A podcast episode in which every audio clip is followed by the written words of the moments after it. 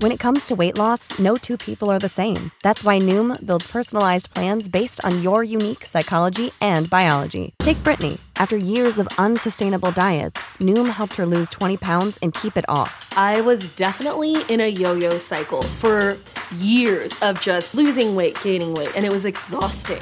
And Stephanie. She's a former D1 athlete who knew she couldn't outtrain her diet, and she lost 38 pounds. My relationship to food before Noom was never consistent. And Evan, he can't stand salads, but he still lost 50 pounds with Noom. I never really was a salad guy. That's just not who I am. Even through the pickiness, Noom taught me that building better habits builds a healthier lifestyle. I'm not doing this to get to a number, I'm doing this to feel better. Get your personalized plan today at Noom.com. Real Noom users compensated to provide their story. In four weeks, the typical Noom user can expect to lose one to two pounds per week. Individual results may vary.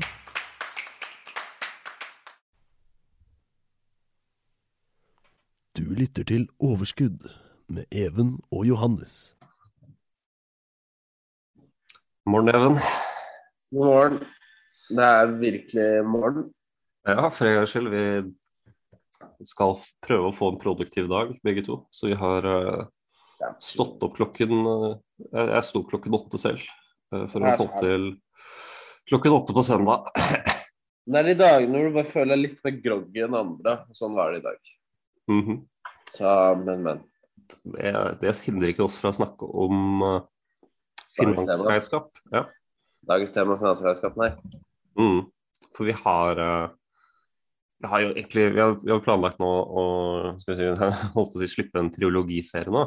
Hvor vi skal uh, hver episode ta for oss uh, de forskjellige aspektene ved finansregnskapet. Og uh, hva du kanskje skal se etter som, som investor, eller potensiell, potensiell, investor. Og Det er jo tre forskjellige, du kan jo kjapt nevne hvilke det er? Ja, det, du har jo selve balance sheetet, eller regnskapet, som det, som det heter på norsk. Det skal vi gå grundigere inn i i dag. Og så blir det neste gang så skal vi få snakket om income statement. Det er Hvordan kan man oversette det på norsk? Resultatregnskapet. Ja. Det, det, er nok en oversettelse som funker. Og, og, sist, men ikke minst, så er det jo cashflow statementet. Som er og, og, oppsummert, ja, og, oppsummert så kan du på en måte si at man kan, man kan, vel snakke om tidspunkter da, sånn, sånn overordnet. At uh, balance sheetet representerer uh, skal vi si, eiendelene i selskapene på et gitt tidspunkt. Ja, så Det er egentlig bare et stillbilde? Mm, det er et stillbilde. Mens de andre og, og, Men det er på en måte ofte så får du to stillbilder. Du får f.eks. 2019-stillbilde, og så får du 2020-stillbilde. Og de andre uh, f.eks. income statement og cash flow statement, de gir jo, de gir jo et inntrykk av uh, bevegelsene som, som, på en måte har skjedd mellom stillbildet, da, eksempelvis. I løpet av et år, type. Et regnskapsår kan det også være. Det varierer jo litt. Ja. Forskjellen på et år og et regnskapsår er at de fleste følger et år, men det, det er noen selskaper uh, som f.eks. er naturlig at, det, at mesteparten av businessen skjer kanskje en måned etter jul. da. Mm. Uh, så Da tar de regnskapsåret sitt fra si 31. til 31. istedenfor uh, ja, januar, da, istedenfor fra mm. årsslutt til årsslutt. Ja, det finnes Et regnskapsår, da, er liksom ja. finnes noen eksempler på det. Ja. Men skal vi bare hoppe rett ut i, i moroa? Ja, og det, det, er jo, du nevnte jo det, jeg kan jo ta den nå. Det er um, De fleste land de går, er det IFRS det heter? Ja, det, det er eh, Skal vi se, hva er det det, det er, i hvert fall et internasjonalt eh, Eller det, det, står for International Accounting Standard Boards. Eh, eller det er jo stiftelsen som har kommet opp med, med denne standarden. Og dette er en standard som er vanlig i 150 land. Og som representerer god regnskapsskikk, da, rett og slett. Um, men det er også verdt å nevne da, at uh, for mange, mange, investerer jo i USA. Og i USA så er det en egen, egen standard. Det refereres ofte til som USGAAP, mm. som står for General Accepted, Accounting Principles. Så det er um, men generelt så er det ikke store forskjeller for måte, oss investorer. Men hvis du skal skrive regnskapet, så er det ja, så er det forskjell, litt forskjeller her og der, da. Ja. Nei, det er, det er riktig. Så, jo så det, så det er, ja, men det er veldig likt. ikke sant? Og Mm. det, det prinsippsystemet her det, det stammer helt tilbake til antikken, faktisk. ja. Um, og i dag så skal vi da Men da, da hopper jeg bare litt videre. Så da, og vi starter med balansen, da. Eh, og Ja. balansen ligger litt i ordet. Det er rett og slett en oppstilling eh, av to tabeller, hvor du da har eiendeler på venstresiden. Og så har du da finansieringskilden til disse eiendelene på høyresiden. Mm. Eh, og høyresiden dem består da av gjeld, som kan være kortsiktig og langsiktig, og egenkapital, som er det da investoren har spyttet inn. Gjelden er typisk obligasjoner som er sendt ut, eller andre lån. Ja. Og på eiendelene så har du da kortsiktige og langsiktige eiendeler, eller current og long term assets, som det heter på norsk. Og kortsiktige eiendeler, det er da typisk eiendeler som går gjennom bedriften som følge av dens eh, naturlige drift, drift og virksomhet, og som ikke er ment å være inne i bedriften i løpet av et år, fordi det enten skal selges eller kjøpes og selges, eller ja, brukes til å kjøpe noe annet. Mm. Eh, Og long, det siste er jo da det long term assets, og det vil jo da være f.eks. Vi skal gå lenger inn på det, men det vil jo være da typisk uh, Ja, det kan være det meste. Alt fra en fabrikk til uh, til eh, Det som, de ikke, det som du ikke har planlagt å selge, da. Ja. I utgangspunktet. Det er jo noen type skal vi si, spekulative selskaper, da, du kan si Hunter. De, er, de, de har jo lenge hatt planer om å faktisk selge long term assetsene. Det, er altså, de er jo et asset play, kan man si. Mm. Um, men de aller fleste selskap ønsker jo å ha si, ja, sine fabrikker. De skal jo generere profitt eller generere penger i lang tid. Mm. Eller være et ledd av det, i hvert fall. Ja. Så det er jo Så generelt så, så vil du vil du se at uh, selskapet de, de vil jo selge sine eh, current assets, altså da varelagre, er jo typisk på Det er jo en del av current assets. Mm. Um, og man ser jo, og man bruker jo ofte dette for å se på selskapets likviditet. da. Mm. Um, for da har du jo noen forholdstall mellom, uh, mellom assetsene og, og lånet du har. da. Der kan man Ja, jeg, jeg, jeg kommer til det, Johannes. Jeg kommer Ja. til det. Så jeg skal bare si litt fordi altså, Essensen av, og det gjelder jo financial statements i det hele tatt, det er å finne selskaper med bedre utsikter enn andre. mm, Uh, og det er jo da helst at de har få utgifter utover produksjonskostnadene. Altså Mm. tilknyttet current assets, og helst ikke så mange der heller. Uh, Mm. Og det vises jo da som et overskudd i prosent av salgsinntekt. Eh, så hvis de har et overskudd totalt sett etter alle kostnader, som er relativt stort i forhold til salgsinntekten, så er dette veldig bra. Mm, Eh, og en av grunnene, og en av måtene å oppnå dette på, det er jo da et, en solid og bærekraftig balanse. Uh, som er på en måte selvforsynt da, uh, Ja. gjennom inntekten. Så vi, da går jeg rett og slett rett til balansen. Jeg har mm, gjort det litt allerede. Men du nevnte jo at det ikke viser et tidsbilde. ja. Det viser rett og slett kun hvilke eiendeler og gjeldsposter som eksisterer på den dagen hvor balansen føres. og Det er da typisk på slutten av et år. ikke sant? Mm, Som nevnt så er det en debitside, som er den venstre siden, kolonnen. um, som er da eiendeler, og så har du en kredittside, som er da gjeldsposten. Og det er den høyre kolonnen. Ja. Da er det to kolonner da, som går nedover. Og sammen så skal disse balanseres. Eh, Det der er navnet. Sånn at den nederste summen på disse to, altså summen eiendeler, den er lik summen av kortsiktig og langsiktig gjeld, samt da egenkapital. ja. Jeg, men det har jeg også hørt, det, og folk beskriver det jo som at egenkapital er et slags eh, restprodukt da, eh, av eh, For du får jo du får jo at assetsene de kan jo stige i verdi, eller så kan de, kan de falle i verdi. Da, alt ettersom om det blir hva, om, om det f.eks. må være nedskrivninger, eller, eller om det gjøres investeringer, kjøpes opp nye verdier. Um, mens egenkapitalen, den, og, eller, eller eventuelt nedbetaling av gjeld, så blir jo da det, egenkapitalen større. Ikke sant? Um, så, så egenkapitalen blir på en måte eh, du, du kan beskrive det som, en, som et regnestykke, da, og da assets minus uh, minus uh, Hva kaller du det? Eh, forpliktelser. Liabilities. Liabilities. Mm. Um, og da får du egenkapital som, eh, som en verdi, da. Ja. Og, og det som er at selskapet, hvis det låner penger, og det vil det jo ofte gjøre, måtte gjøre, eh, det kommer litt an, og vi skal diskutere litt hva som er forskjellen på et godt og dårlig selskap her. Mm. Men dersom det øker eh, gjelda si, så vil jo gjeldsposten øke. ikke sant? Og Da vil rentekostnadene bli større, altså interest. Og det vil jo også gå ut over profitabiliteten. Så et selskap som er låst til at det ofte må låne penger og ha mye lånte penger og sliter med å betale tilbake dette, det er ikke et fornuftig selskap å investere i langsiktig. Ja. Eh, mindre dette er noe som de kan fjerne. Rett og slett fordi større og større andel av profitten som egentlig skal gå til deg, den går til å betale renten. ikke sant? Mm. Nå har du et unntak, da, og det er jo store selskap. Fordi hvis du har et veldig stort selskap som tjener konsekvent masse penger, sier Coca-Cola, Ja. og du vet at de tjener penger, så kan det være mer gunstig å ha lån. Fordi hvis du binder opp alt i egenkapital, så kan du ikke investere i nye produkter hele tiden. Eh, Mm. Så det Coca-Cola heller gjør, det er at de har gjerne lån, fordi de vet at de pengene kan de betale tilbake på null sekunder. Eh, Sånn at der er egenkapitalandelen lavere, rett og slett fordi lån er litt mer eh, fleksibelt. Du kan bruke det litt mer sånn som du vil. Og for Mm. Coca-Cola, som vet nøyaktig hva de driver med, så vet de omtrent hva de får igjen for investeringene sine. Og da kan det være gunstig å ha mer gjeld, fordi igjen, de betaler ned med en gang.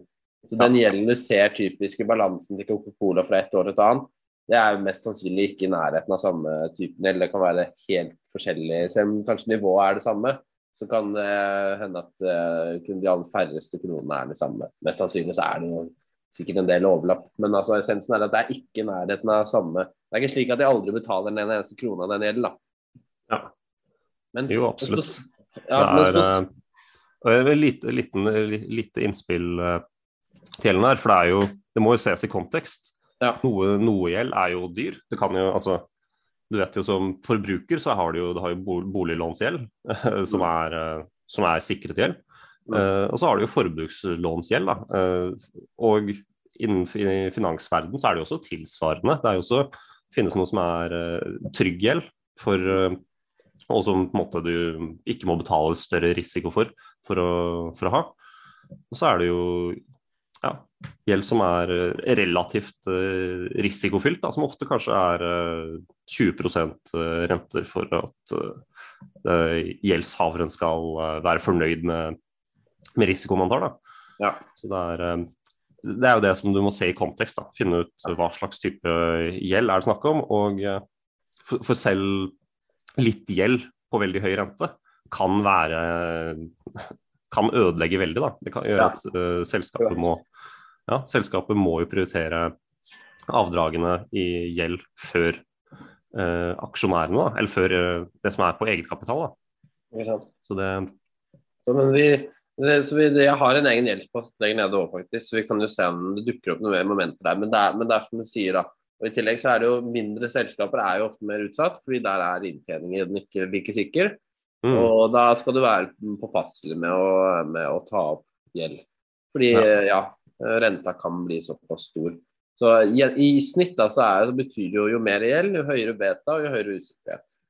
mm, Um, så med mindre da selskapet tjener, så blir det penger og har det god kontroll. Det kan godt hende at mindre selskaper også har dette. Det er bare det at i snitt da, så, så lønner det seg å ha mer egenkapital enn gjeld. Ja. Gjennomsnittsselskapet. Så Det er noe å se etter. Og ikke minst hva slags uh, hva slags hva den, disse lånene kanskje går til. Da. Men vi skal diskutere det mer etterpå. Så jeg Mm. tenkte jeg skulle gå videre på current assets, altså kortsiktige eiendeler. ja. Og på norsk så heter det da ofte eh, omløpsmidler, da. Um, Og det er jo rett og slett da Det ligger litt i det norske ordet. Det er midler som, som er i omløp, altså gjennom driften. Så det er jo ting som går inn, selges, går ut. Kjøpes, går inn, selges, ut. Um, og i denne da venstre kolonnen så starter det med de mest likvide midlene først. Altså det som lettest kan omgjøres til penger. Ja. Det forsø- og det er jo selvfølgelig cash først, fordi penger er penger. uh, og etter det da så kommer jo varelager, kundefordringer. Altså ting som, uh, som er blitt kjøpt av deg, men som du ikke har fått betaling for. Uh, og f.eks. aksjeandeler du har kjøpt i andre selskaper, for de kan jo lett selges på børsen. Eh, Mm. Rett og slett ting som lett kan omgjøres til kontanter. Da. Um, og da er det slik at tilsvarende så har du jo current liability, som er kortsiktig gjeld. Og det vil jo også være gjeld som er da knyttet til vanlig drift av et selskap. Eller rett og slett bare ja, Hovedessensen er at dette er ting som enten er inn eller ut av et selskap i løpet av et år. Ja. Så, også, eller som vanligvis vil gå ut av det inn, inn og ut av selskapet på et år. Ja. Så det er jo ja. Og noe å se etter, da, det er jo, for vi snakket om eh, forholdstall, det er jo current ratio.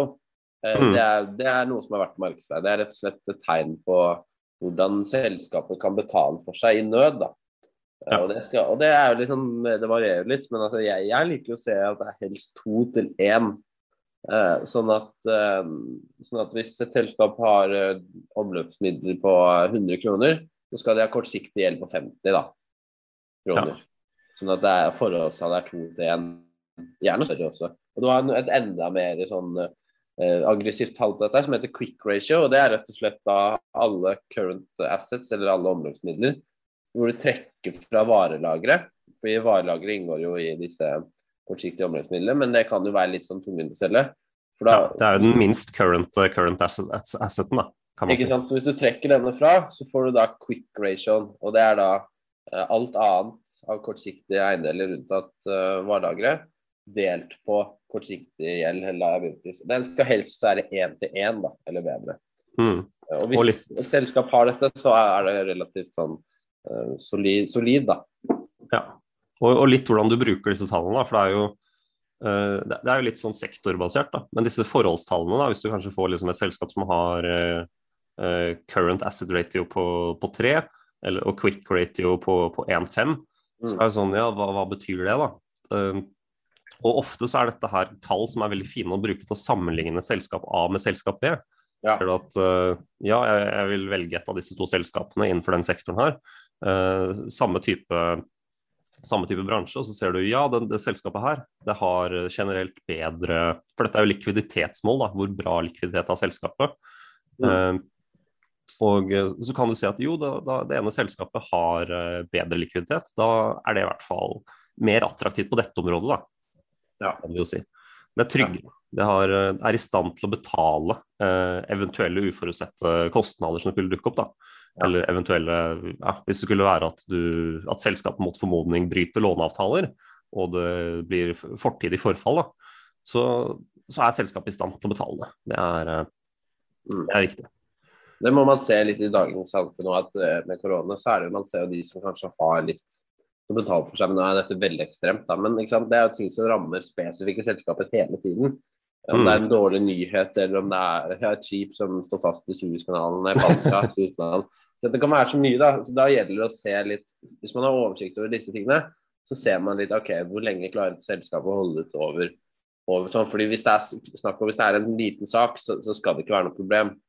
Mm. Um, og, og klare seg gjennom det. Men det er klart hvis et selskap sliter bare et par dager uten drift, så vil jeg jo fraråde deg å investere i det. Ja. Men vi kan gå videre til fixed assets. Mm. Uh, og da kommer litt, og det er jo da Det heter fixed assets eller non-current assets. Ja, altså du kan kalle det begge deler. Men, Mm. det, er, men det er jo rett og slett da eiendeler som ikke er eh, i omløp, da kan du si. Det er langsiktige eiendeler. Mm. Uh, og det kan da være alt mulig rart. Det kan være alt fra et samlebånd til et industriell, industrielt meskekar som brukes til ølbrygging. ikke sant? Jo, næringseiendom. Det kan jo også Næringseiendom, alt mulig. Uh, så det er rett og slett i eiendeler som ikke omdannes fra råvare til et produkt eller en tjeneste. Det er Mm. mer de nødvendige investeringene som trengs da, for at et selskap kan produsere. Eh, og disse tingene de skal jo da som sagt ikke kjøpes for så å selges ut i løpet av et år. Uh, det er ikke meningen, de skal brukes opp, og de avskrives deretter. Det kommer jeg til. Men essensen er jo da at dersom disse må selges, som det ville måttet i nød, så er verdien vesentlig mindre da enn kjøpt verdi. I motsetning til da et varelager som man i hvert fall forsøker å selge ut til det man har kjøpt inn til. Ja. Så rett og slett reell salgsverdi den vil fravike vesentlig fra oppført verdi Mm. sammenlignet med gjeldspostene. For gjeldspostene de kan du sverge på at de er det de er. Det de er. Ja. Så du får jo det- For de må jo eh, For det er jo egne lister eh, i forhold til hvordan For, det er jo også ned, ting nedskrives jo i verdi, eller betales ned over tid Ja. eh, av disse typer ja, faste non-current eh, assetsene. Som alle vet når de kjøper en ny bil og de skal selge den to år senere, f.eks. Mm. Og, og noe, noe verdinedskrivninger blir jo uh, tatt med i eh, regnskapet. Uh, og der, der er det jo faste standarder på liksom, ja, båt av den typen vil uh, måtte nedskrives eh, så mange prosent eh, Mm. hvert år. Eh, men dette avviker jo noe fra markedsprisen, og her kan det jo f.eks. være at eh, ja, hvis uh, innenfor shipping, da, der, er det jo, der vil jo den reelle der vil jo den reelle uh, verdien, altså den markedsverdien du, du får for, uh, får for en, et skip, den vil jo bero veldig på markedsomstendighetene. Mm. Så det er jo så det blir jo, det er det, det, De eneste Jeg vet ikke om du kommer til det, men de eneste type assetsene eh, som du må bokføre med eh, skal vi si markedsverdi, det Mm. er jo hva er det man kaller det? Det, er- det er jo typisk, eh, typisk aksjer i andre selskaper. Eller Ja. eh, skal vi si, jeg vet ikke om valuta eh, går inn her, eller om det går inn under cash. Ja, men altså, du har jo, eh, I Norge så har du jo ikke sant, Du kan balanseføre det til um, anskaffelseskost eller virkelig verdi, og du skal da ta det til det laveste av disse. Så det er klart hvis du um, Men når det kommer til um, husker jeg ikke helt hvordan jeg gjorde det i høst, men, men det, er, det er det folk må undersøke hvis de har disse postene. Men, men i hvert fall det skal jo skrives til en viss verdi. Mm. Um, og så er det viktig å påpeke at du skal ha det til, til, um, til det som er lavest, da, i de aller fleste tilfeller. Ja. Men det eneste unntaket for, for det, det er ved f.eks. Ja, finansielle produkter som et selskap kjøper. da.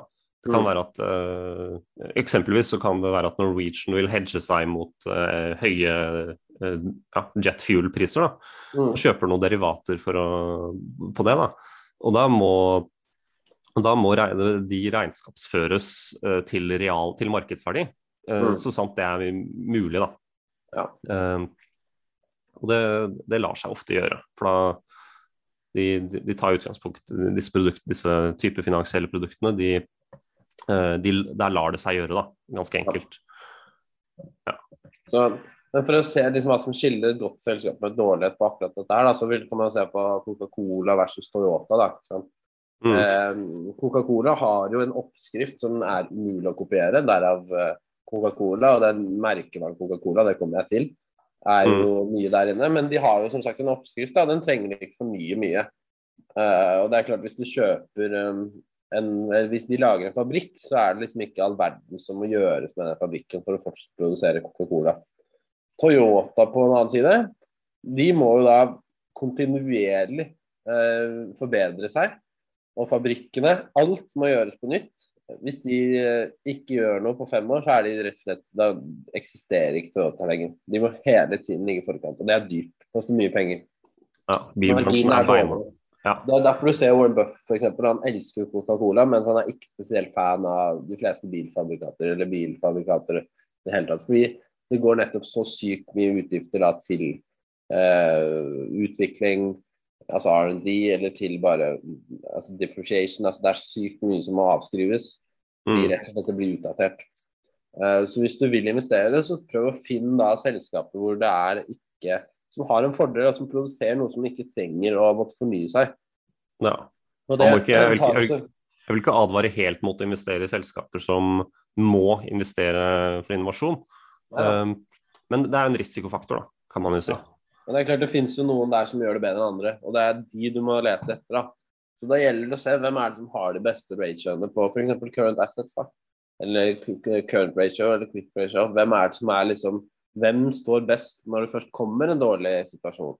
Det er jo disse som ofte vil enten kjøpe opp de andre, eller vil sitte igjen, da. Eh, Mm. Det finnes jo en rekke Buick og, og Oldsmobile, Studebaker. Dette var firmaer som ble sett på som enorme før i tiden, men som eh, ingen andre har hørt om nå, ikke sant? Jeg tviler på på at du har hørt om de. Bare så vidt. Ikke sant? Så, men i hvert fall, da.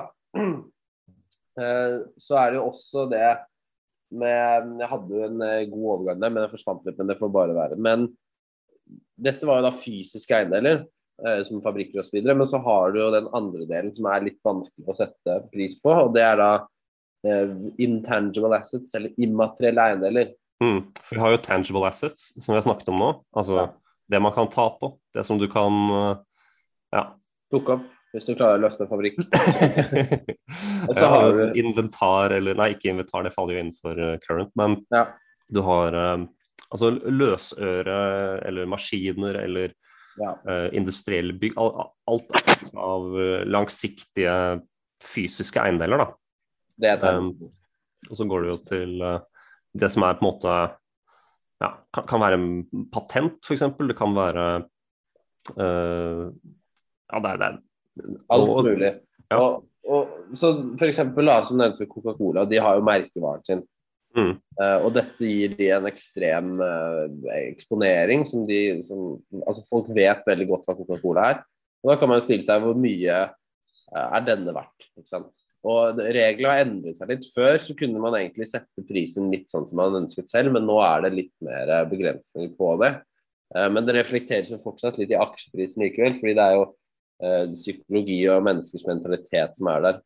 Eh, Mm. Du nevnte forresten inventar, og det er jo faktisk noe som avskrives i Norge, mens eh, inventory er varelager på engelsk, så de, de to kan være greie å bare vite forskjellen på.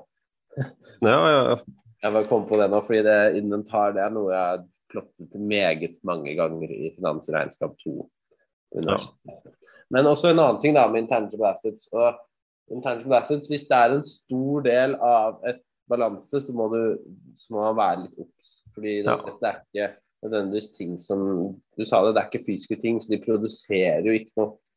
eh, annet enn at de kan brukes til å Ja, det kan være finansielle produkter som kan dekke deg inn Mm. ting, men det er ikke noe som Det sier ikke noe om evnen til et selskap til å tjene penger, eh, eller hvor produktivt da til å tjene penger.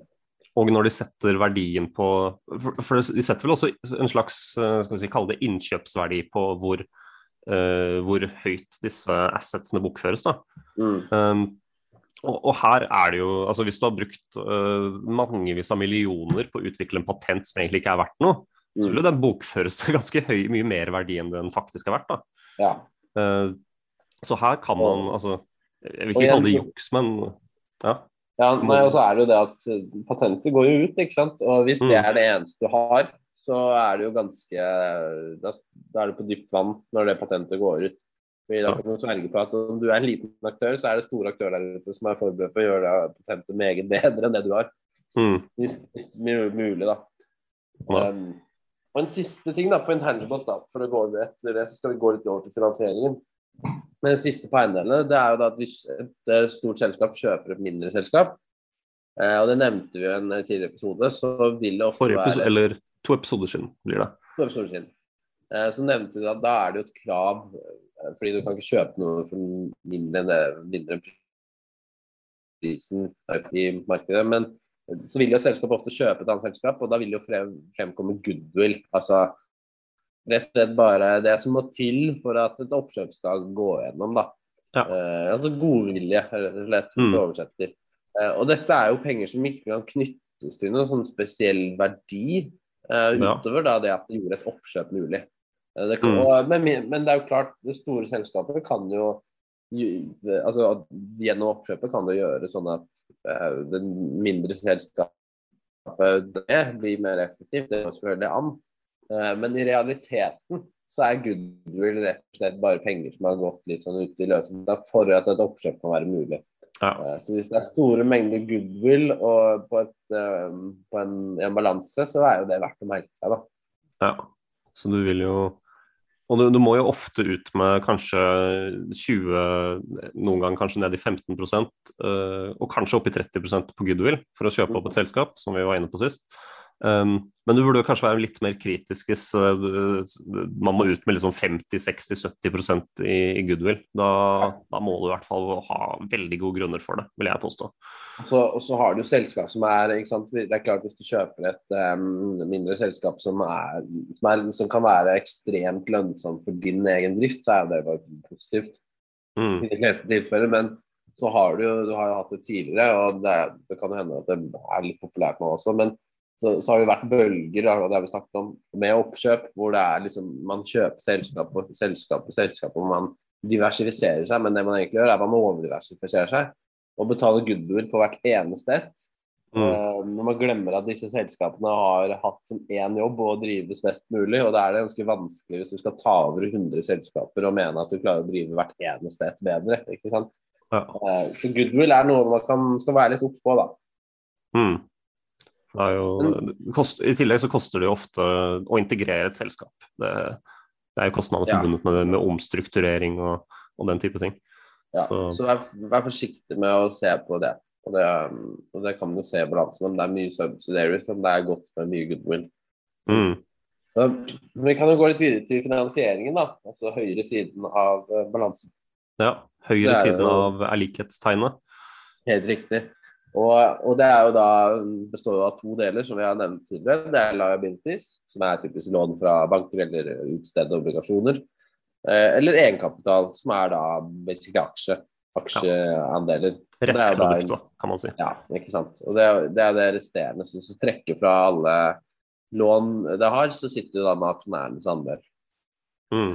Um, så si at selskapet er finansiert med 70% egenkapital eller equity, så er vil jeg si at 70 av eiendelene da tilhører aksjonærene. Enkelt og greit. Mm. Man kan jo da enten kjøpe eiendeler til bedriften eh, gjennom eh, lån, eh, altså hvis man er bedriftseier. Det er jo det man ser at typisk store selskaper liker å gjøre, fordi det er, går kjapt. Eller så kan Mm. man eh, eller så kan man gjøre som vi nevnte i en tidligere episode, man kan jo da ha en emisjon hvor man henter inn fra investorene. Ja. Og begge, begge disse to har jo hver sine konsekvenser.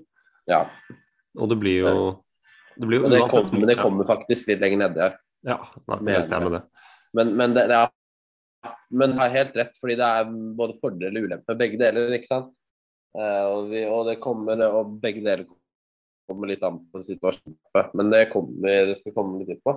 Så, men det er jo verdt å merke seg da, at jo mer gjeld, jo mer kostnader har et selskap eh, som følge av renter. Eh, Mhm. Og jo mer usikker vil som regel en aksjekurs være. Og, det og, dette, og dette er jo rett og slett fordi større andel av profitten går til å betjene gjelden. Men så er det som vi nevnte verdt å merke seg at eh, dette kommer litt an på selskapets situasjon. fordi Noen vil være i posisjonen hvor de betaler interest, mens andre er liksom tvunget inn i det. Eh, gjennom eh, f.eks. at de hele tiden må investere i nye maskiner. Sånn som bilfabrikater er jo ofte går i den fella. For De må hele tiden finansiere nye ting, selv om de kanskje allerede sliter med den de selger nå. Og da vil det være eh, ugunstig. Mens f.eks. Coca-Cola, som ikke ble Skal vi se, nå tror jeg du faller ut litt der. bare Beklager, det er ikke meningen. Nei da, det er sikkert Ja, ikke noe, noe skyld for det. Nei, men jeg gjentok egentlig bare noe jeg har sagt tidligere, så akkurat der, så det var ikke så veldig krise. Men eh, ja, essensen er jo at det kommer litt an på selskapets tilstand. Noen eh, er nødt til å Eller noen er tvunget inn i en slik eh, lånerentesats. eh, Mm. Sirkel, mens andre er litt mer i den bevisst. da. Ja. Så det er jo Det er litt Du forskjellig hvor det der med, du nevnte jo det der med risikoen ved å utstede aksjer i stedet. Ja, for du har jo et valg da, hvis du trenger penger som, sel som selskap. Da. Og det er jo hvordan skal du, la, eh, hvordan skal du finansiere pengene? Eh, skal du finansiere dem med lån, eller skal du finansiere dem ved å, ved å printe nye aksjer? Da? Uh, og, og begge har sine si, spesielle konsekvenser. Lån er jo, det må du jo nedbetale, og vil skal vi si, redusere uh, profitten de neste, ja, neste årene. Da, eller hvor, hvor lenge det, dette lånet løper. Um, og, men du har jo et annet alternativ, da, og det er jo å printe nye aksjer. Og uh, få penger gjennom det. da. Um, og det gjør jo slik at hvis du eier 5% aksjer, og du printer dobbelt mange nye aksjer, så sitter du plutselig igjen med 2,5% av selskapet When you need mealtime inspiration, it's worth shopping Kroger, where you'll find over 30,000 mouthwatering choices that excite your inner foodie. And no matter what tasty choice you make, you'll enjoy our everyday low prices, plus extra ways to save, like digital coupons worth over $600 each week. You can also save up to $1 off per gallon at the pump with fuel points. More savings and more inspiring flavors make shopping Kroger worth it every time. Kroger, fresh for everyone. Fuel restrictions apply. Save big on brunch for mom, all in the Kroger app. Get 16 ounce packs of flavorful Angus 90% lean ground sirloin for $4.99 each with a digital coupon. Then buy two get two free on 12 packs of delicious Coca Cola, Pepsi, or 7UP, all with your card. Shop these deals at your local Kroger today or tap the screen now to download the Kroger app to save big today. Kroger, fresh for everyone. Prices and product availability subject to change. Restrictions apply. See site for details. Da, gitt at du ikke deltar i denne emisjonen. Ja, og kjøper deg inn, rett og slett. Ja. Så det er jo, det, det er jo mulig å delta, men, men ofte så er det jo Hvis du skal ha vanvittig mye penger gjennom emisjon, så må du jo ofte sette en emisjonskurs vesentlig under dagens aksjekurs.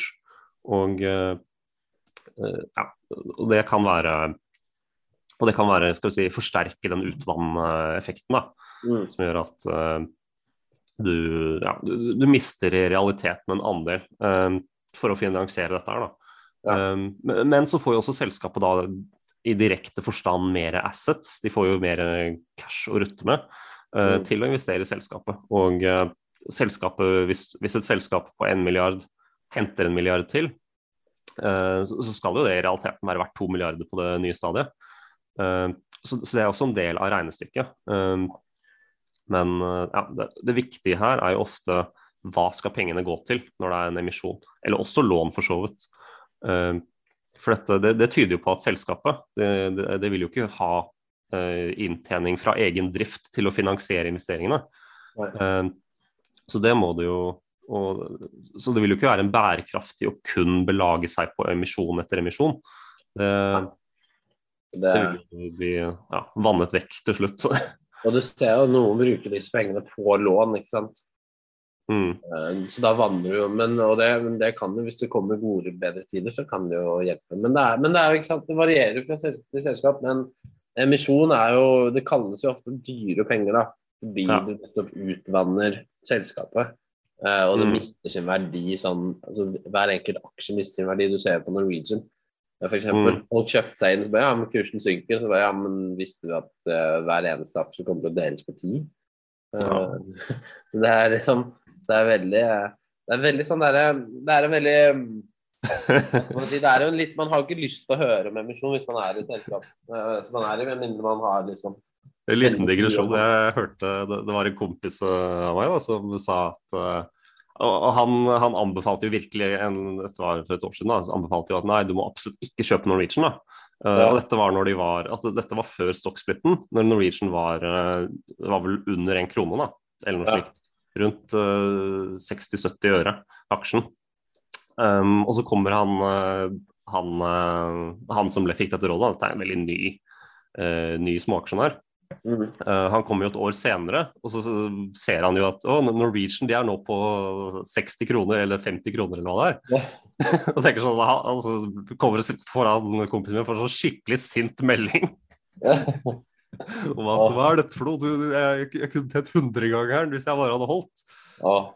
Nei, eller hvis jeg Ja, eller ja, ikke sant. Kjøpt. det som har skjedd da, er at det er en liten sammenslåing i etterkant. ikke sant? Verdien til selskapet er jo Den er jo ikke blitt 100-gangeren. Den har jo ikke Nei. det. Har jo vært et reverse stock split, som det Ja, reverse stock split heter. Så, Ja. så, det, så egenkapital er verdt å følge litt med på. Fordi det, der er det mye Det kan skje mye på kort tid, og som, har relativt store konsekvenser. Mm. Um, så, men i forhold til driften, da, og dette henger litt med income statement resultatregnskapet, som vi kommer til senere. Ja. Så jeg i hvert fall mener at current liabilities er verdt å merke seg. Eh, For Mm. dette er ting som har med selve driften å gjøre. Um, og som må, som må dekkes, rett og slett. Det er ting som må betales, og som kommer til å komme hvert eneste år.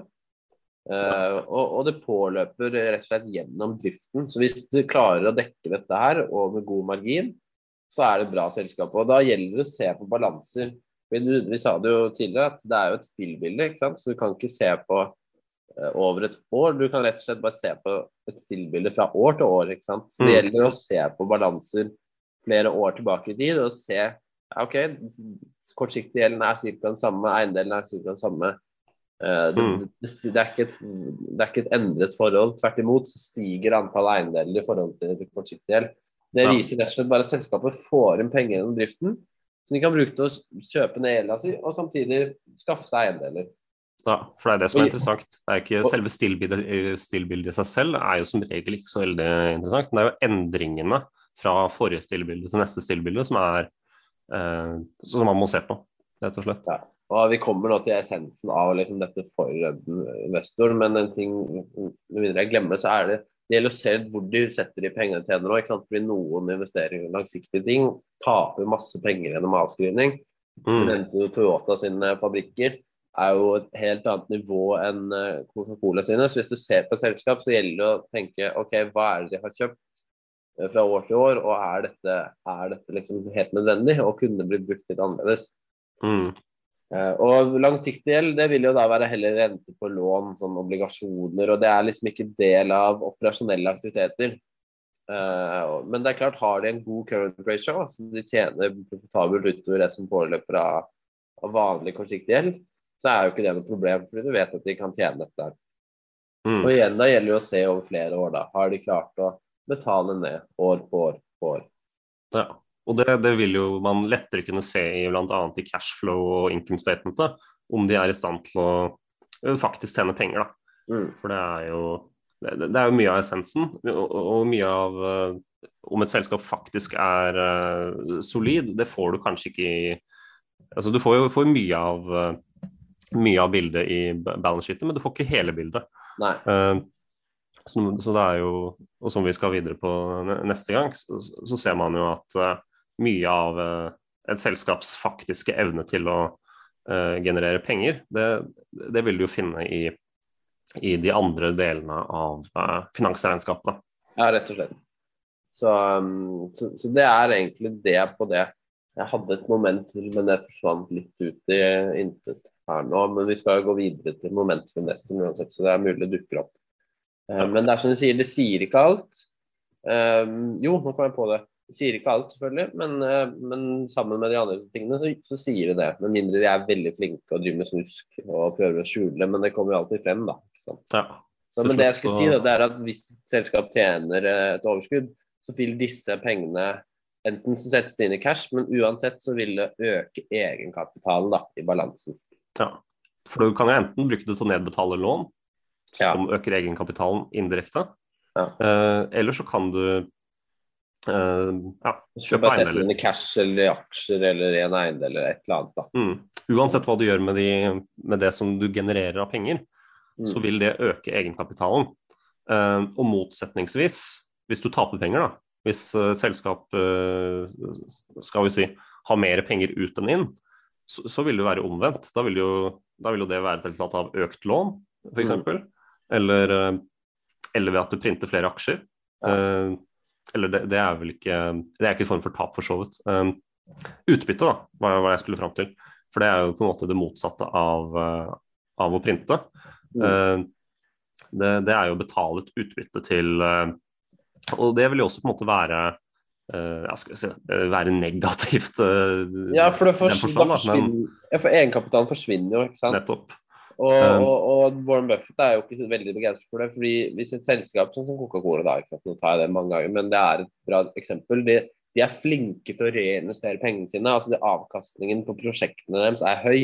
Mm, Eh, og Da er det mer gunstig for en investor som er langsiktig, at de pengene han eventuelt kunne fått utbetalt, at de heller brukes på disse prosjektene.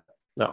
Eh, Så et selskap som betaler eh, sjelden eller liten dividend, det kan være bra, det med mindre man da Ja. som vi snakket om i en tidligere episode, at man har lyst på faste utbetalinger. Da er jo Ja. det bra. Coca-Cola betaler jo også ganske solid utbytte, i tillegg til alt det de reinvesterer. Så det er jo Fordi de tjener jo så mye, og de har, liksom, de har gjort så mye, de har spredt seg så mye. Det er begrenset hva de kan gjøre. ikke sant? mm, De har på en måte nådd en viss grense, og da blir det å reinvestere og så betale ut litt her og der. ja. Så, men, men du har jo og, og sånn er det jo med store, modne selskaper òg. Men det er klart, eh, hvis det er flinke på å reinvestere og bruke på lønnsomme prosjekter, så er det noe som er verdt å merke seg. da. Mm. Men vi kan jo, og dette blir litt avslutningsvis, men gå videre på momenter da, for en investor. Ja. Um, så jeg kan jo, eh, hvis jeg tar de, hva om jeg tar de første, og så tar du litt etter hvert, og så går vi litt sånn frem og tilbake? Eh, jo da. I hvert fall, da. Essensen av balansen, det er å se tingenes tilstand der og da. Så det er opptypes 31.12. Ja. Så konkret så ønsker du som investor å se har selskapet verdifulle fysiske eiendeler. Uh, altså drives selskapet gjennom solide investeringer. Mm. Og så vil du også se om disse er vanskelige eller dyre å erstatte slash vedlikeholde. Mm. Uh, rett og slett om selskapet er utsatt for store utgifter bare for å være konkurransedyktig. Og da har vi jo nevnt bil versus Coca-Cola. ikke sant? Mm. Uh, og I tillegg er selskapet og deres investeringer er det diversifisert. sant? Du ser jo Philip Morris er jo et selskap som har uh, så mange eiendeler i så mange land at det er, eh, at det er helt utrolig. ikke sant? De lager det meste. Man skulle bare forbundet det tidligere med sigaretter, men i dag så driver de med omtrent alt. Eh, kontra da Sats, som har én ting, og det er jo da sine gymmer. Uh, og det måtte jo et virus til, og så måtte det stenge.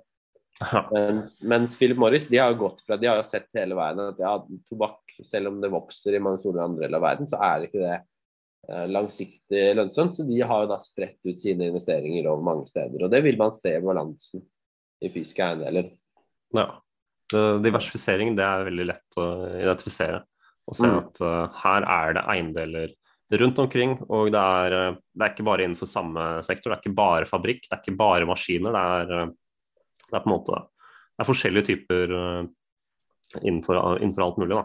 Men det kan være noe utfordrende å se, se nøyaktig konkret hvilket, skal vi se, altså hvilken nøyaktig fabrikk er de eier av, hvilken nøyaktig ja, hvor mange maskiner, varebiler eller hva det måtte være. Mm. Um, så akkurat de, de helt i detaljer kan være noe utfordrende å finne. Ja, og det står ofte i noter, da, så det vil jo være en sånn liten, et lite tall, en liten bokstav, ofte ved sånne ved steder hvor du Og da, det kan jo være verdt å merke seg, ikke sant. Og da kan man Mm. lese notene. Hva, hva betyr dette egentlig?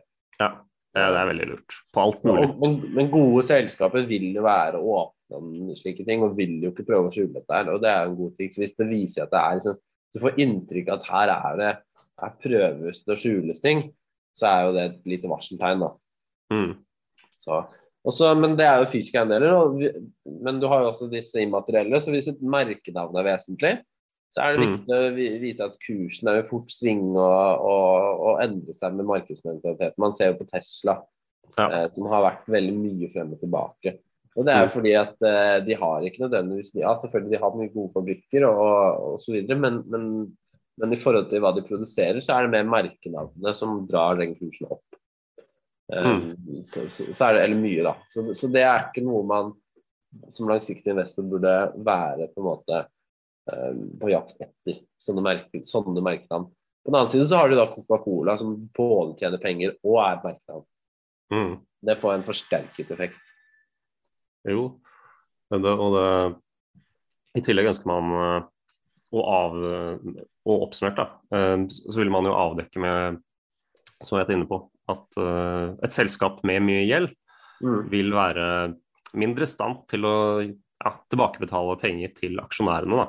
Uh, og de er jo mer utsatt for uh, rentestigninger Mm. og usikre tider, rett og slett. Ja, det. Men det er interessant nok, jeg så jo også det er, det er noen typer tilfeller som det kan være greit å, å vite om i gjeld. For, for jo f.eks. Uh, General Motors. De har jo en helt sånn vanvittig påskreven gjeld på seg. da. Um, men dette er jo uh, av ganske sære omstendigheter. For i 2008 så ble det jo nærmest betalt ut.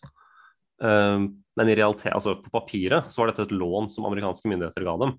Det, det eneste, eneste med dette lånet her er at det ikke er noe skal vi si, reelle konsekvenser for å ikke betale det.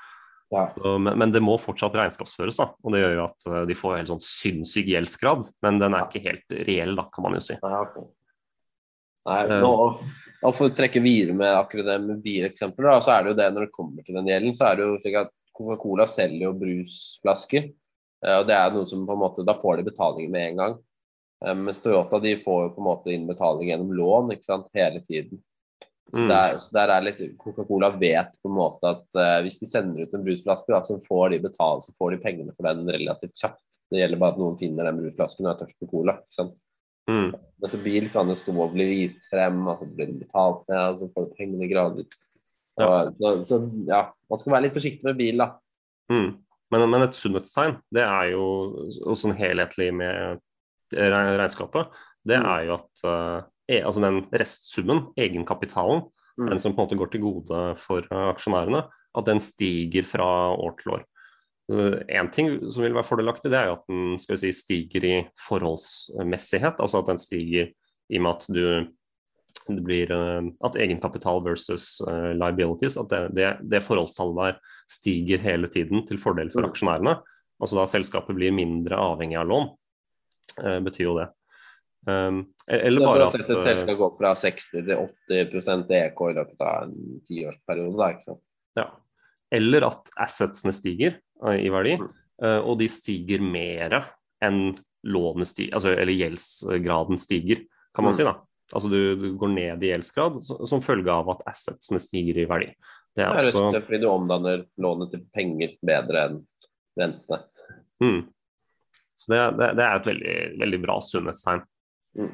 Um, men så har man jo som en del som vi, som vi på en måte har vært innom uh, så vidt her og der, så har man jo avskrivninger, uh, eller depreciation amortization som det heter på engelsk. Mm. Uh, amortization det er jo avskrivinger av intangible assets, ikke sant?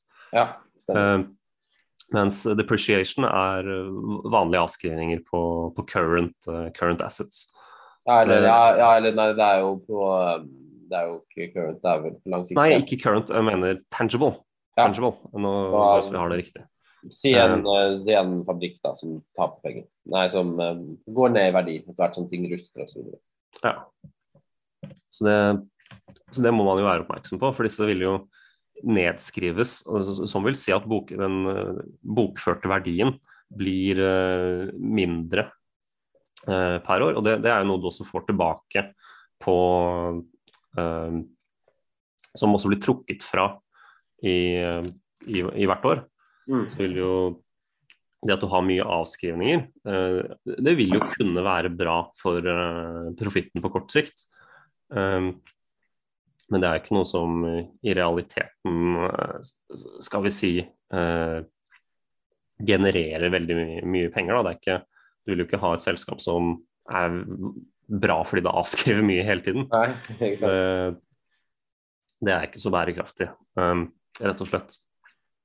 Så, men, men kanskje være litt oppmerksom hvis dette er et uh, hvis dette er et selskap hvor det er knytta store spenninger til uh, hvilke, hvor, mye, ja, hvor mye verdien av de forskjellige assetsene er til enhver tid, uh, så er det ofte dette her et, si, en, et moment som driver kursen. Og det er jo helt Innenfor shipping som jeg har nevnt, så er jo det helt essensielt da, hvor mye eh, skal vi si, eh, flåten til et shippingselskap er verdt. Som, og, det, og det er jo helt forskjellig fra de bokførte verdiene. Du kan, jo- du kan jo se at eh, eh, du fin- du finner mange shippingselskap siste året som har hatt uh, 0,5 i prisbok. Uh, men, men som antageligvis eh, vil kunne forsvare dette, fordi de enkelte markeder også har, eh, så har rett og slett eh, det vært så dårlige, dårlige inntjeningsrater, som det heter. eh, Mm. Dårlig forventet inntjening framover. Som gjør også da at den reelle verdien av disse båtene den er jo noe lavere enn de bokførte verdiene. da. Ja. Så det er jo uh, å, å være litt obs på, rett og slett. Plutselig så står det fast i Suezkanalen, og da har det veldig mye lavere verdi på det.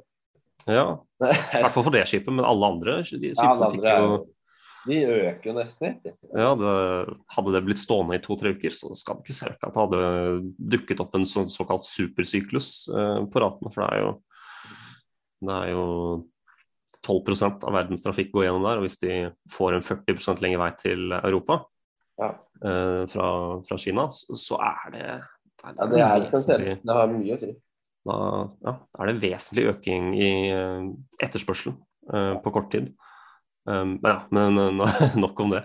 Ja, nei, men vi, vi har jo det, men det går fint. Vi har jo egentlig nevnt messe, og du sa det ganske fint. Det viktigste er jo å se en økning i antall eiendeler.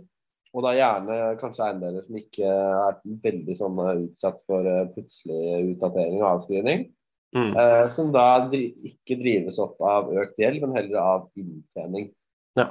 Så rett og slett at antall eiendeler går opp, samtidig som egenkapitalsandelen går opp. Mm. Det er jo det, det, er det man har lyst til å se.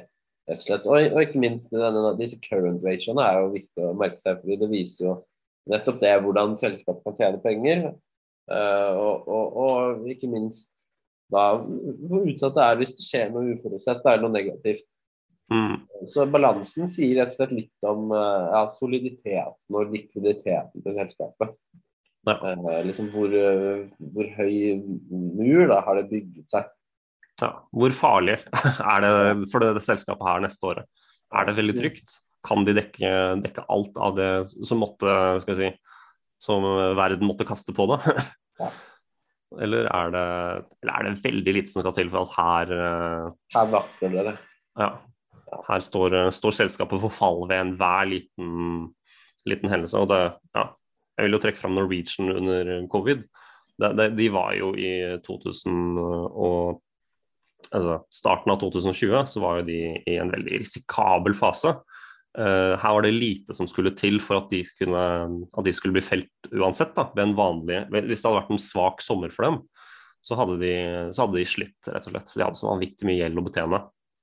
Um, og når de da blir truffet av covid, som, er, som ødelegger jo alt, uh, så er jo det Altså, de har jo overlevd, men det, det er jo til en skal vi si 95 uh, mindre verdi enn enn for, før covid. Ja. Eller en, kanskje enda mer. Jeg, ikke, jeg har ikke matten i hodet helt, men det er i hvert fall eh, De har i hvert altså- fall blitt truffet. Og, og, og, hovedpoenget der er at hadde du sjekket balansen, så hadde du skjønt det at, at ja, det står ikke veldig trygt dersom uh, Man kunne ikke vite nøyaktig det, men sant, man har jo visst at ting, ting har skjedd. Selv har man sjekket balansen, så har man sett at ok, dette her er ganske utsatt. Mm. Det Her er det gjeld som må betjenes Ja. ganske mye. Og ganske fort. ja, Ja, så det, Men eh, avslutt, helt til slutt så vil jeg faktisk bare anbefale, fordi alle som vil investere, må altså Jeg mener det må kunne forstå, og ikke, trenger ikke være veldig nøyaktig, men må kunne forstå essensen av et regnskap. Og det er klart, eh, Man kommer vel en, eh, et godt stykke å høre disse tre episodene vi skal legge ut nå. Men jeg vil i hvert fall anbefale boken uh, 'Warren Buffett and the Interpretation of Financial Statements'. Den vil jeg lese, for den, er, den eh, har jeg lest nylig. og Jeg kunne mye om dette før, men den er veldig lettfattelig. Så går den gjennom alle delene, og så påpeker den liksom, hva er viktig å se etter på hver del, og hva er ikke viktig å se etter på hver del. mm, Uh, og det gjelder både balansen, uh, resultatregnskapet og da kontantstrømmene, altså cash flow statement. og. Og alle kjøper kjøpe den og lese den. ja. Du, du har sagt at jeg kan låne den, ikke sant? Det har jeg faktisk. Supert. Da kan vi ta det neste gang vi får muligheten til å treffes fysisk. Helt fantastisk. Uh, trenger å ha noe le... Merker at stemmen er, i, er på siste vers allerede. Ja, men det, det er lov, det. Jeg merker jeg trenger noe, noe lesestoff som ikke er juss. Det, det har blitt litt lite på den siste tiden. Ja, nei, det er digg å Skal vi se, nå, nå falt det ut her på tampen.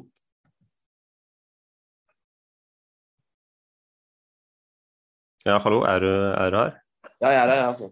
Ja, ok, der var, det- var det lite, lite fall ut, men hva var det du skulle si? Nei, nei at det, det er jo det er si, det blir en sånn akademisk tekst. Det er jo ikke alltid skrevet spesielt sånn for, for morsomhetens skyld, men det, jeg føler er at mange av disse andre bøkene, sånn som akkurat denne, er skrevet uh, både for å fremme et budskap, men og for å liksom nå ut. Og det er litt mer uh, oppfriskende, fordi du får litt mer den derre ja, tilknytningen. Da. Du ser ting litt mer for deg. Når jeg ser for meg godeste Mm. Warren Buffett sitte på kontoret sitt og tenker bare sånn Nei, nei, dette selskapet her skal jeg aldri investere i. Ja. ja. Jeg vet ikke helt har hvorfor jeg ga det- en slags sånn Grimstad Arendal eh, var Buffett, Han er fra Omaha, jeg vet ikke om det er uh, USAs uh, Grimstad, men uh, nå er det det. ja, nei, jeg er ikke så god på analogier mellom norske og amerikanske byer, må jeg Nei. innrømme. Men jeg, har blitt- jeg syns faktisk det er litt morsomt, fordi du har jo sånn eh, du har jo ikke sant, in the south, ikke sant, hvor det er litt mer sånn kristendom og litt mer konservativt. Og det stemmer jo egentlig veldig bra med Kristiansand. Og så. Ja, det, det er litt sånn. Det er litt sånn, du er enig i det? Ja, det er jo sånn eh, Mens jeg har bodd her i Kristiansand tre år, så har jeg fått Jehovas vitne det er vel fire ganger på døra eller noe sånt. Sluppet inn tre? Sluppet inn tre. Altså, jeg snakka med faktisk én gang. Uh, prøvde, jeg, prøvde jeg å få dem til å trå, på, trå i noen feller ved å snakke om evolusjon. For jeg, jeg, jeg er litt sånn usikker. Tror disse på evolusjon eller ikke? Um, ja. Så hvis, hvis de Altså, de, de, det var ikke veldig sånn at de de, de, de, likte kanskje ikke å snakke om det, da. Um, og de, da kan du bytte, da kan du lære om balanser og incompletations og sånn også. Ja. ja, jeg vil heller snakke om det enn om uh, ja, hvorfor Jehovas vitne de, de, de, vil jo ikke feire bursdag engang, liksom. Jeg, jeg, jeg syns det er litt trist. Det er jo for meg. Mm. Og så Jeg mener jo det at det er ikke så viktig for min del å feire bursdag, men det er jo hyggelig å ha noe å invitere folk til. Ja, ja ikke sant. Det, er det eneste de, de feirer jo De feirer ikke engang jul. Nei, du, var, nå går en grense. Ja, de, altså, det, er, det er en slags utspring av kristendom, men de feirer ikke jul.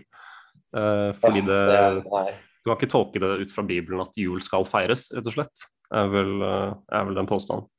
Nei, ikke for rette ned på Jehovas vitner, men julen. altså Tenk all, bare, bare all maten og, og, og gløggen, ikke minst. Mm. Men, men nå, nå, har vi faktisk beveget oss langt, langt ut der. Og... Ja. Har vi, noe, eh, noe avsluttende ord om uh, finansregnskap? Altså det, det, det, jeg tenker, da, så jeg sånn, har lyst til å slenge ut, uh, slenge ut her i lufta, bare sånn, og ikke bare om balance sheet, men om finansregnskap generelt, det er jo at altså det er jo mange nye selskaper da, som har gått på Merkur, market, eller Euronext Growth. Da. Og mange av dem har jo egentlig ikke noe tall i finansregnskapet sitt av noe særlig betydning. Dette er liksom tomme, nesten, nesten tomme selskaper, da. mange av dem, som ikke har enten tomme på regnskapsdelen ved at de ikke har noe særlig assets, eller eh, at det her er det her er ikke noe å lese. nå. Um, eller i form av at de ikke har uh, noe å lese på income statement eller cashflow, er det alltid noe, men på income at det ikke egentlig er noe fortjeneste å, å snakke om i, i, det hele tatt.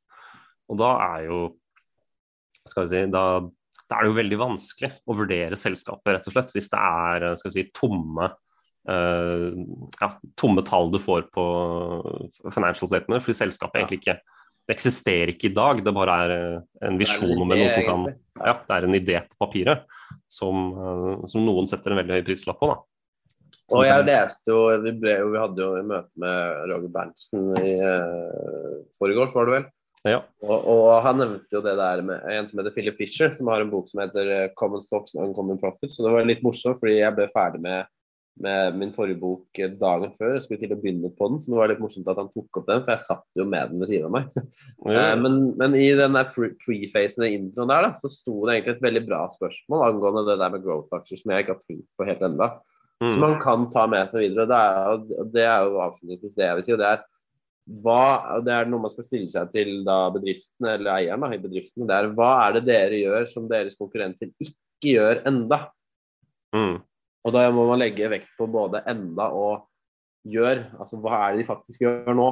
Og det er som mm. du sier, Hvis det står i Financial Statements at de, de gjør ikke noe, de er bare en idé, så er jo det noe å styre unna. Men hvis de har en idé som er veldig spesiell, og som er liksom på en måte markedsledende og drivende, så mm. er det veldig positivt. Ja, og uh, Roger Berntsen som vi snakket om, han er jo så veldig fan av Tomra. Mm. Um, framfor mange av disse grønne idé, papirideene, da, som vi kan kalle dem. Det uh, og, det er jo, altså Tomra er jo vanvittig høyt verdsatt, de også. Uh, det verdier til 60 milliarder norske kroner eller noe rundt det, litt over kanskje. Mm. Og det er vel P på rundt 60-70 et eller annet sted der. Um, men forskjellen er jo at Tomra har bevist mye mer, at de har allerede klart å knuse gjennom enkelte markeder. At de, mm. har, altså de har jo, skal vi si, Pantemarkedet har de liksom stålgrep på. Da. Der er det ingen, som, ingen særlige konkurrenter av betydning som kan utfordre deres posisjon der. Men de drar med seg de andre, ikke sant? Mm, ja. Og uh, I tillegg så har de jo de etablerer seg jo i, i nye markeder som f.eks. Uh, gjenvinning av, uh, av, søppel også. Uh, og det er, det er, på en måte det er, mye, det er mye lettere å tro på et selskap sine ambisjoner hvis de har fått til noe slikt allerede. Da, hvis de er godt etablerte på, på andre områder og klart å liksom altså Tomra har jo skapt sitt eget marked, som Roger Berntsen er inne på. At de har mm. pantemarkedet, det er jo Det var ikke egentlig en nødvendighet, slik mange så det. da. Men det har de absolutt bidratt til at det har blitt. Mm. At uh, så, så de, har, de har skapt sitt eget marked, som også er jo selvfølgelig veldig unikt. Uh, men da er det mye lettere å kanskje tro på at de har altså disse løft, eh, ambisjonene om nye, nye investeringer, nye businessmodeller som skal kunne generere penger en gang i framtiden. Det, det, er nok litt lettere å tro at et selskap som Tomra, som allerede har fått det til på flere områder, skal mm. få det til igjen. da. Ja. Så det, ja du vedder jo på at uh, hesten som har vunnet løpet, uh, vunnet mange løp, kanskje vinner neste løpene også. I stedet for at en nykommende hest som det er veldig mye skriv rundt, som man ingen har sett løpet, uh, skal vinne. Hvis, jeg, hvis ja. den analogien ble noe særlig. ja. Oi, satan. Nå, nå, falt du virkelig ut her. Beklager. Nå er jeg der nå. Hører du meg? ja. Ja. ja. Det gjør jeg. jeg vet ikke hva det er. Men jo, men samtidig så er det jo da På et tidspunkt så, så kan det jo hende at den eh, Nå dør jo hester, da. Det, er jo ikke, det trenger ikke nødvendigvis alle selskaper å gjøre. Men? Mm. så vil det jo være noen som blir utdatert av en ny konkurrent. Så det gjelder oss, Men igjen, det går ned til én ting, og det er sunne finansielle poster, rett og slett. Både i balansen, i income statement og mm. Så helt avslutningsvis vil jeg bare si lær deg det. Denne episoden, denne episoden, blir mest sannsynlig litt lengre enn de vanlige episodene, men det er fordi rett og slett disse tre tingene vi skal snakke om nå, er essensielle for å forstå et selskap. Ja, og, og litt småsnakk, da. Men uh... Ja, ja, selvfølgelig. Det blir litt småsnakk. Men det, det, det, det mener jeg det er, det er viktig. Er ja, absolutt. Det, er noe jeg skulle ønske jeg lærte tidligere, rett og slett. Dette her. Småsnakk? Mm. Kanskje det òg. Nei, men å lese finansregnskap var det jeg tenkte. Ja, okay. ja, men det er ikke for sent. Og, som den der boka jeg anbefalte, 'Warm Buffett and the Interpretation of Financial Statement', mm. uh, viser, så er det relativt lett, egentlig. Men det, bare, men det, tar tid å bli god på det. Men det, det tar kort tid å forstå det. Ja, så. selvfølgelig. Men det, det er Kom i gang med å lese finansrapporter. Forstå de forskjellige, forstå hva som Er dette income statement? Er dette balance sheet? Er dette mm. cashflow statement? Hva, hva, hva, er det jeg ser på? Ja, hva er det jeg ser på? Hvordan kan jeg forvente at et sunt et ser ut, f.eks.? Mm. Det, det er ting som er lurt å, å få, få, inn i hodet. For da har du et veldig godt vurderingsgrunnlag for å, ja, for å følge med på selskaper og for å forstå hva som, hva som skjer rett og slett. Og et annet tips, nå må jeg faktisk runde av, for jeg har noe annet jeg må gjøre. Men, men et mm. annet tips det er at istedenfor, og det er det Warren Buffett og disse gutta gjør, det er at istedenfor å se på alle årsrapportene, for der står det veldig mye ja, sånn godsnakk som tar mye tid, mm. Eh, så kan det lønne seg å se på det de sender inn til finansmyndighetene. Uh, og I USA så heter det da 10K, altså 10-K. Mm. I Norge så heter det så mye som 20F, eller EU-type, da. 20F. 20-F. Og det er rett og slett bare da alle den finansielle dataen vi har snakket om. Uh, bare hvor du trekker da fra alt snakket og imellom. Så du ser rett og slett bare stillbildene. Vekk med sminken. ja, men du tar vekk sminken, så du, du ser liksom bare OK, sånn er det. Så da, hvis man skal sitte og se gjennom mange av disse, så er det meget mye tid spart. Mm. Ja, absolutt. Så det er et tips. Men fantastisk. Ja, nei, sorry. Ja, nei, det var, det var, ikke, det var ikke noe mer enn det jeg skulle si. Ja. Beklager, men jeg, jeg, kan sitte der lenger. Jeg har, ønsket mitt er å sitte der lenger, men jeg må faktisk eh, dra nå, Johannes. Men det var veldig hyggelig å snakke med deg i dag òg. Jo, i like måte. Så er vi jo tilbake med income statement eh, neste uke. Så det er bare å, bare å være beredt. Det blir minst like gøy. Det blir det. Mm. All right. Ha det. Ha det bra. Du lyttet til Overskudd med Even og Johannes.